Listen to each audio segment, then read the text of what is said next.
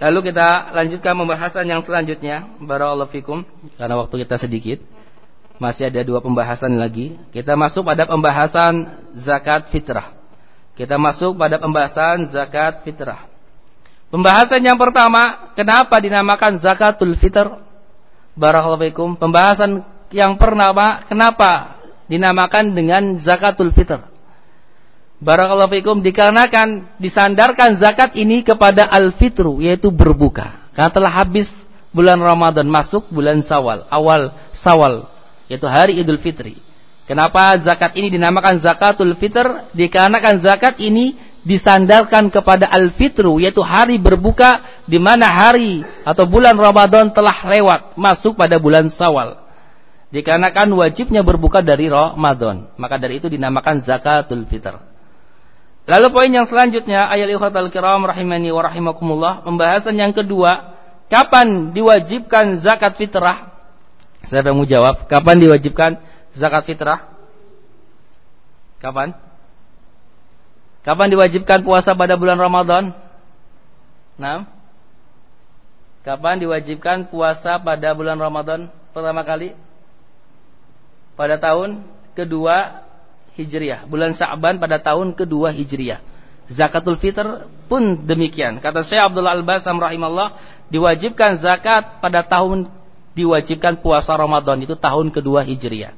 Kalau bulan Ramadan yaitu diwajibkan pada tahun kedua Hijriah, itu pada bulan Sa'ban, maka zakat fitrah diwajibkan pada tahun diwajibkan puasa Ramadan yaitu pada tahun kedua Hijriah. Lalu ayat lihatal kiram rahimani wa rahimakumullah. Pembahasan yang ketiga, hukum zakat fitrah. Hukum zakat fitrah. Zakat fitrah hukumnya wajib. Hal ini berdasarkan hadis Ibnu Umar radhiyallahu taala anhu. Sebagaimana dikeluarkan oleh Imam Bukhari dan Imam Muslim dalam sahihnya, farada Rasulullah sallallahu alaihi wasallam zakat al-fitr. Rasulullah sallallahu alaihi wasallam memfardukan, mewajibkan zakat fitr. Ini menunjukkan bahwasanya zakat fitrah hukumnya wajib. Al-Imam Ibnu Mungzir rahimahullah bahkan menukilkan adanya ijma kesepakatan tentang wajibnya zakat fitrah.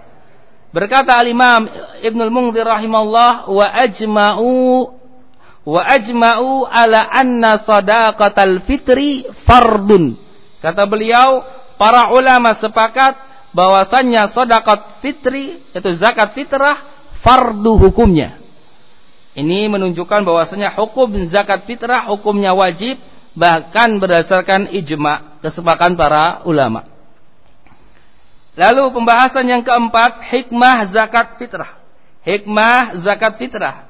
Hikmah zakat fitrah sebagaimana disebutkan dalam sebuah hadis dari Ibnu Abbas radhiyallahu taala anhu berkata, "Farada Rasulullah sallallahu alaihi wasallam zakatal fitri tuhratan lisaimi minal lagwi war rafathi wa tu'matan lil masakin.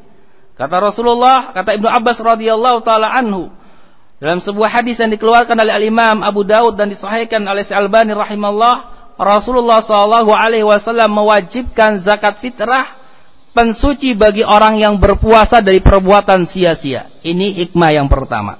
Zakatul fitr, zakat fitrah dikeluarkan untuk pensuci bagi orang berpuasa, bagi orang yang berpuasa dari perbuatan sia-sia yang dia lakukan selama puasa. Ini hikmah yang pertama. Lalu hikmah yang kedua kata Rasulullah, kata Ibnu Abbas radhiyallahu taala anhu, makanan bagi orang miskin. Makanan bagi orang miskin. Ini hikmah yang kedua kenapa disyariatkan zakat fitrah. Wallahu taala alam bi Pembahasan yang kelima, kepada siapa diwajibkan zakat fitrah? Kepada siapa diwajibkan zakat fitrah? Zakat fitrah diwajibkan kepada setiap pribadi muslim, baik anak kecil atau orang besar, laki-laki ataupun perempuan, orang merdeka atau budak, maka hukumnya wajib untuk mengeluarkan zakat fitrah. Hal ini berdasarkan sebuah hadis dari Ibnu Umar radhiyallahu taala anhu yang dikeluarkan oleh Imam Bukhari dan Imam Muslim dalam sahihnya Rasulullah sallallahu alaihi wasallam bersabda, "Farada Rasulullah sallallahu alaihi wasallam zakat al-fitri sa'an min tamri, sa'an min tamrin, atau sa'an min sa'irin 'ala al-'abdi wal hurri wal dzakari wal untha was sagiri wal kabiri minal muslimin." Kata Rasulullah, kata Ibnu Umar radhiyallahu taala anhu, Rasulullah sallallahu alaihi wasallam memfardukan, mewajibkan zakat fitrah satu sok dari kurma, satu sok dari sa'ir, yaitu apa? gandum. Naam, atau atas budak dan orang merdeka. Perhatikan kata Ibnu Umar, atas budak dan orang merdeka, laki-laki dan wanita, anak kecil dan anak besar atau orang besar dari kaum muslimin. Dari sini dari hadis yang dikeluarkan oleh Al Imam Bukhari dan Imam Muslim, ini kita mengetahui bahwasanya zakat fitrah diwajibkan kepada setiap pribadi muslim, baik anak kecil ataupun orang besar, laki-laki ataupun perempuan, orang merdeka ataupun budak. Diwajibkan untuk mengeluarkan zakat fitrah. Wallahu taala alam bi Pembahasan yang keenam Pembahasan yang keenam yang terkait dengan zakat, dua syarat seseorang wajib mengeluarkan zakat fitrah. Dua syarat seseorang wajib mengeluarkan zakat fitrah. Yang pertama adalah Islam. Tidak wajib bagi orang kafir. Yang pertama adalah Islam tidak wajib bagi orang kafir. Lalu yang kedua, syarat yang kedua adanya kelebihan dari makanan pokok, adanya kelebihan dari makanan pokok dari kebutuhannya untuk hari id dan malamnya. Ini dua syarat kapan seseorang diwajibkan untuk mengeluarkan zakat. Yang pertama dia seorang muslim, lalu yang kedua, barakallahu fikum adanya kelebihan makanan pokok pada hari Idul Fitri dan malamnya. Maka wajib bagi dia untuk mengeluarkan zakat. Paham misalnya ya? Kalau ada makanan, kelebihan makanan pokok di hari Id di hari Id dan untuk malamnya maka wajib bagi dia untuk mengeluarkan zakat fitrah. Wallahu taala alam bi Lalu pembahasan yang selanjutnya pembahasan yang ketujuh. Antum bisa lihat syarat ini dalam kitab fikih muyasar. Pembahasan yang ketujuh, apakah zakat fitrah atas seorang wanita dari hartanya atau dari harta suaminya? Apakah zakat fitrah atas seorang wanita dari hartanya atau dari harta suaminya? Barakallahu fikum tentang hal ini para ulama berselisih pendapat. Sebagian ulama berpendapat wajib bagi wanita mengeluarkan zakat fitrah dari hartanya. Ini pendapatnya Al-Imam Al-Thawri, Abu Hanifah dan sahabatnya dan yang dipilih oleh Ibnu Munzir rahimahullah. Dari pendapat ini adalah hadis Ibnu Umar. Hadis yang tadi disebutkan barakallahu fikum yang disebutkan dalam hadis tersebut wadzakari wal unsa diwajibkan zakat fitrah atas laki-laki dan wanita. Maka dari itu, pendapat yang pertama ini mengatakan wajib bagi wanita mengeluarkan zakat fitrah dari hartanya. Karena Rasulullah, nah karena Ibnu Umar radhiyallahu taala anhu menyebutkan bahwasanya zakat fitrah itu diwajibkan oleh Rasulullah wadzakari wal untha atas laki-laki dan wanita. Dari harta wanita tersebut. Wallahu taala alam bisawab. Sebagian ulama yang lain mengatakan barakallahu fikum atas suaminya mengeluarkan zakat fitrah untuk istrinya. Atas suaminya mengeluarkan zakat fitrah untuk istrinya. Allah taala alam biswab, anak pribadi cenderung kepada mendapat yang pertama yang mengatakan wajib bagi seorang wanita mengeluarkan zakat fitrah dari hartanya karena dalilnya jelas. Karena dalilnya jelas yaitu dalil yang disebutkan oleh Ibnu Umar radhiyallahu taala anhu wadzakari wal unsa atas laki-laki dan wanita. Wallahu taala alam bi Lalu pembahasan yang selanjutnya ayat al kiram rahimani wa rahimakumullah. Pembahasan yang kedelapan zakat fitrah anak kecil apakah dari hartanya? zakat fitrah anak kecil apakah dari hartanya atau dari harta walinya? Zakat fitrah anak kecil apakah dari hartanya atau dari harta suaminya? Sebagian ulama mengatakan zakat fitrah anak kecil dari hartanya jika dia punya harta. Ada anak kecil punya uang ketika hari Id misalnya, ah, eh, ketika malam Id misalnya. Maka barakallahu fikum menurut sebagian ulama zakat fitrah anak kecil dari hartanya jika dia punya harta. Kemudian dia beli beras, kemudian dia zakat fitrah. Jika tidak punya jika tidak punya, maka dikeluarkan dari orang yang wajib menafkahinya. Ini pendapatnya mayoritas ulama, dalil mereka adalah hadis Ibnu Umar. Dari sisi mana? Karena disebutkan secara khusus kata Rasulullah, nama kata Ibnu Umar, wasogiri wal kabir. Atas anak kecil diwajibkan zakat fitrah atas anak kecil dan orang dewasa, orang besar. Dari sini pendapat yang pertama dan ini pendapatnya mayoritas ulama berdalil dari hadis Ibnu Umar bahwasanya anak kecil wajib mengeluarkan zakat fitrah dari hartanya jika dia punya harta. Jika tidak maka dikeluarkan dari orang yang wajib menafkahinya. Adapun pendapat yang kedua mengatakan atas bapaknya secara mutlak. Atas bapaknya secara mutlak. Atas bapaknya secara mutlak untuk menanggung atau mengeluarkan zakat buat anaknya.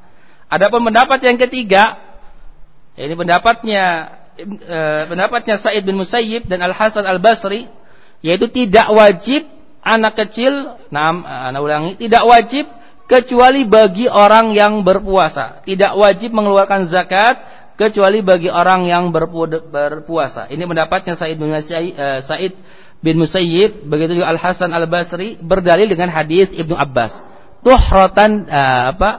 uh, tuh uh, apa barakallahu fikum memberi makan untuk orang miskin. Dari sini pendapat yang ketiga mengatakan tidak wajib mengeluarkan zakat kecuali bagi orang yang berpuasa. Wallahu taala alam bisawab, ana pribadi cenderung pada pendapat yang pertama yaitu zakat fitrah anak kecil dari hartanya jika dia punya harta.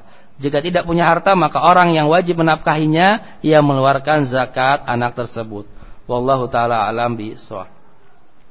Lalu pembahasan yang kesembilan, apakah dikeluarkan zakat fitrah bagi janin yang berada pada perut ibunya? Apakah dikeluarkan zakat fitrah bagi janin yang berada pada perut ibunya? Sebagian ulama dan ini pendapatnya mayoritas ulama, jumhur mengatakan tidak ada zakat atas janin yang berada di dalam perut ibunya. Tidak ada. Ini pendapatnya mayoritas ulama. Sebagian yang lain mengatakan wajib zakat fitrah atas janin. Ini adalah riwayat dari Ahmad, Al-Imam Ahmad dinukilkan oleh sebagian Hanabilah bahwasanya wajib zakat fitrah atas janin. Dan dengannya Ibnu Hazm e, berpendapat akan tetapi beliau mensyaratkan ketika janinnya atau kandungannya berumur 120 hari. Berarti berapa bulan? Berarti 4 bulan. Baru ada zakatnya. Wallahu taala alam bisawab yang roji insyaallah afan yang anak pribadi cenderung kepadanya adalah pendapatnya jumhur. Pendapat mayoritas ulama yang mengatakan tidak ada zakat atas janin yang berada di dalam perut ibunya. Namun sebagian ulama mensunahkan, menganjurkan untuk mengeluarkan zakat. Sebagian ulama menganjurkan untuk mengeluarkan zakat atas janin.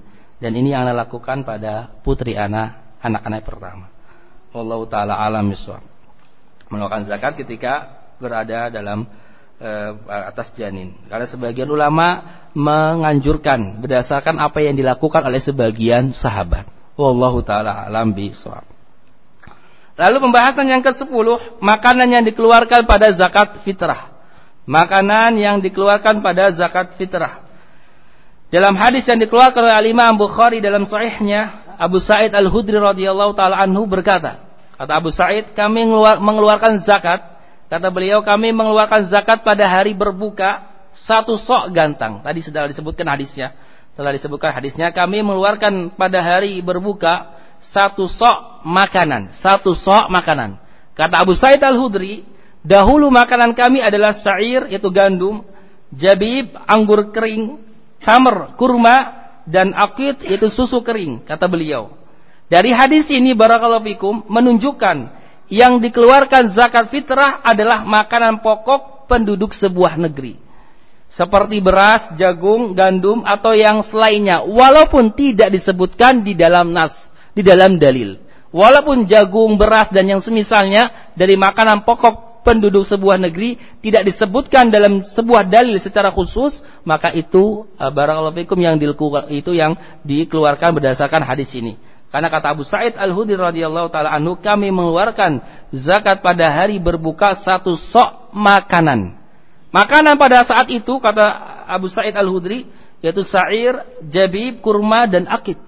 Maka dari itu barakallahu fikum berdasarkan hadis ini eh, pendapat yang benar adalah e, barakallahu dikeluarkan untuk zakat fitrah adalah makanan pokok penduduk sebuah negeri seperti beras, jagung, gandum atau yang selainnya walaupun tidak disebutkan secara khusus di dalam nas. Wallahu taala alam Ini pendapatnya mayoritas ulama. Ini pendapatnya mayoritas ulama itu Al-Imam Malik, Al-Imam Syafi'i dan ini juga pendapatnya Ibnu Taimiyah rahimahullah. Wallahu taala alam bi Adapun sebagian ulama berpendapat tidak sah kecuali yang disebutkan dalam nas yaitu lima tamar kurma, jabib kurma kering, bur sejenis gandum, syair gandum dan akid yaitu susu kering. Wallahu taala alam bisawab namun yang rajih yang sebagaimana yang dirojekkan oleh mayoritas ulama dan begitu juga Ibnu Taimiyah memilih pendapat ini yaitu makanan pokok penduduk sebuah negeri walaupun tidak disebutkan secara khusus seperti beras, jagung atau yang semisalnya ketika dijadikan makanan pokok pada sebuah negeri. Wallahu taala alam bisawab. Lalu pembahasan yang ke-11 ukuran satu sok pada zakat fitrah. Disebutkan tadi dalam sebuah hadis bahwasanya dikeluarkan satu sok tamr, satu sok kurma dan seterusnya. Maka barakallahu fikum ukuran satu sok pada zakat fitrah. Barakallahu fikum satu sok sama dengan empat mut. Satu sok sama dengan empat mut. Adapun satu mut, adapun satu mut seukuran gabungan dua telapak orang dewasa. Seukuran gabungan dua telapak orang dewasa yang tidak besar dan tidak kecil, pertengahan. Ini satu mut seperti ini. Satu sok empat mut. Adapun satu mut seperti ini e, gabungan dua telapak tangan orang dewasa yang pertengahan, tidak besar dan tidak kecil. Itu satu sok. Nah, satu mut, enam. Itu satu mut. Dan diperkirakan satu sok dan diperkirakan satu sok dalam timbangan sama dengan 2,40 kg. Diperkirakan satu sok dalam timbangan sama dengan 2,40 kg. Adapun e, dalam literan sama dengan kurang lebih 3,1 liter. 3,1 liter. Wallahu taala a'lam bisa. Dan tidak masalah kalau dibulatkan 2,5 atau 3,5 eh, 2,5 kg atau 3,5 liter. Wallahu taala a'lam bisawab. Itu ukuran satu sok pada zakat fitrah. Lalu pembahasan yang ke-12 Bolehkah mengeluarkan seharga makanan yaitu dengan uang? Bolehkah mengeluarkan zakat fitrah dengan seharga makanan yaitu dengan uang? Barakallahu fikum mengeluarkan dengan uang seharga makanan yang akan dikeluarkan zakat fitrah tidak sah. Tidak sah. Ini mendapatkan Al-Imam Malik, Al-Imam Syafi'i rahimahullah, Al-Imam Ahmad dan Al-Imam Ibnul Munzir rahimahullah. Tidak boleh dan tidak sah zakat fitrah dikeluarkan dengan uang. Dikarenakan apa? Dikarenakan pada zaman Rasulullah SAW terdapat uang. Namun Rasulullah SAW tidak memerintahkan untuk mengeluarkan uang pada zamannya. Padahal pada zaman Rasulullah terdapat uang. Malah justru Rasulullah Shallallahu Alaihi Wasallam memerintahkan untuk mengeluarkan makanan. Ini menunjukkan bahwa saya zakat fitrah adalah dengan makanan e, penduduk negeri tidak bisa digantikan dengan uang. Allah taala alam bi itu pembahasan yang ke-12 lalu pembahasan yang ke-13 kapan dikeluarkan zakat fitrah Kapan dikeluarkan zakatul fitr? Barakallahu fikum. Yang pertama yang hukumnya boleh. Yang hukumnya boleh. Itu boleh dikeluarkan satu atau dua hari sebelum Idul Fitri. Boleh dikeluarkan satu atau dua hari sebelum Idul Fitri berdasarkan uh, pendapat uh, berdasarkan perbuatan Ibnu Umar radhiyallahu taala anhu. Boleh mengeluarkan zakat fitrah sehari uh, sehari atau dua hari sebelum Idul Fitri. Ini pendapatnya Imam Malik rahimahullah dan Imam Ahmad. Dan yang hukumnya wajib, yang hukumnya wajib yaitu wajib dikeluarkan zakat fitrah setelah terbenamnya matahari di hari terakhir bulan Ramadan. Yang hukumnya wajib dikeluarkan zakat fitrah yaitu setelah terbenamnya matahari di hari terakhir bulan Ramadan. Itu malam Idul Fitri. Ini pendapatnya Al-Thawri, Al-Imam Ahmad dan Ishaq. Wallahu taala alam bi soal. Lalu pembahasan yang ke-14, nah ini pembahasan yang terakhir pada permasalahan ini. Pembahasan yang ke-14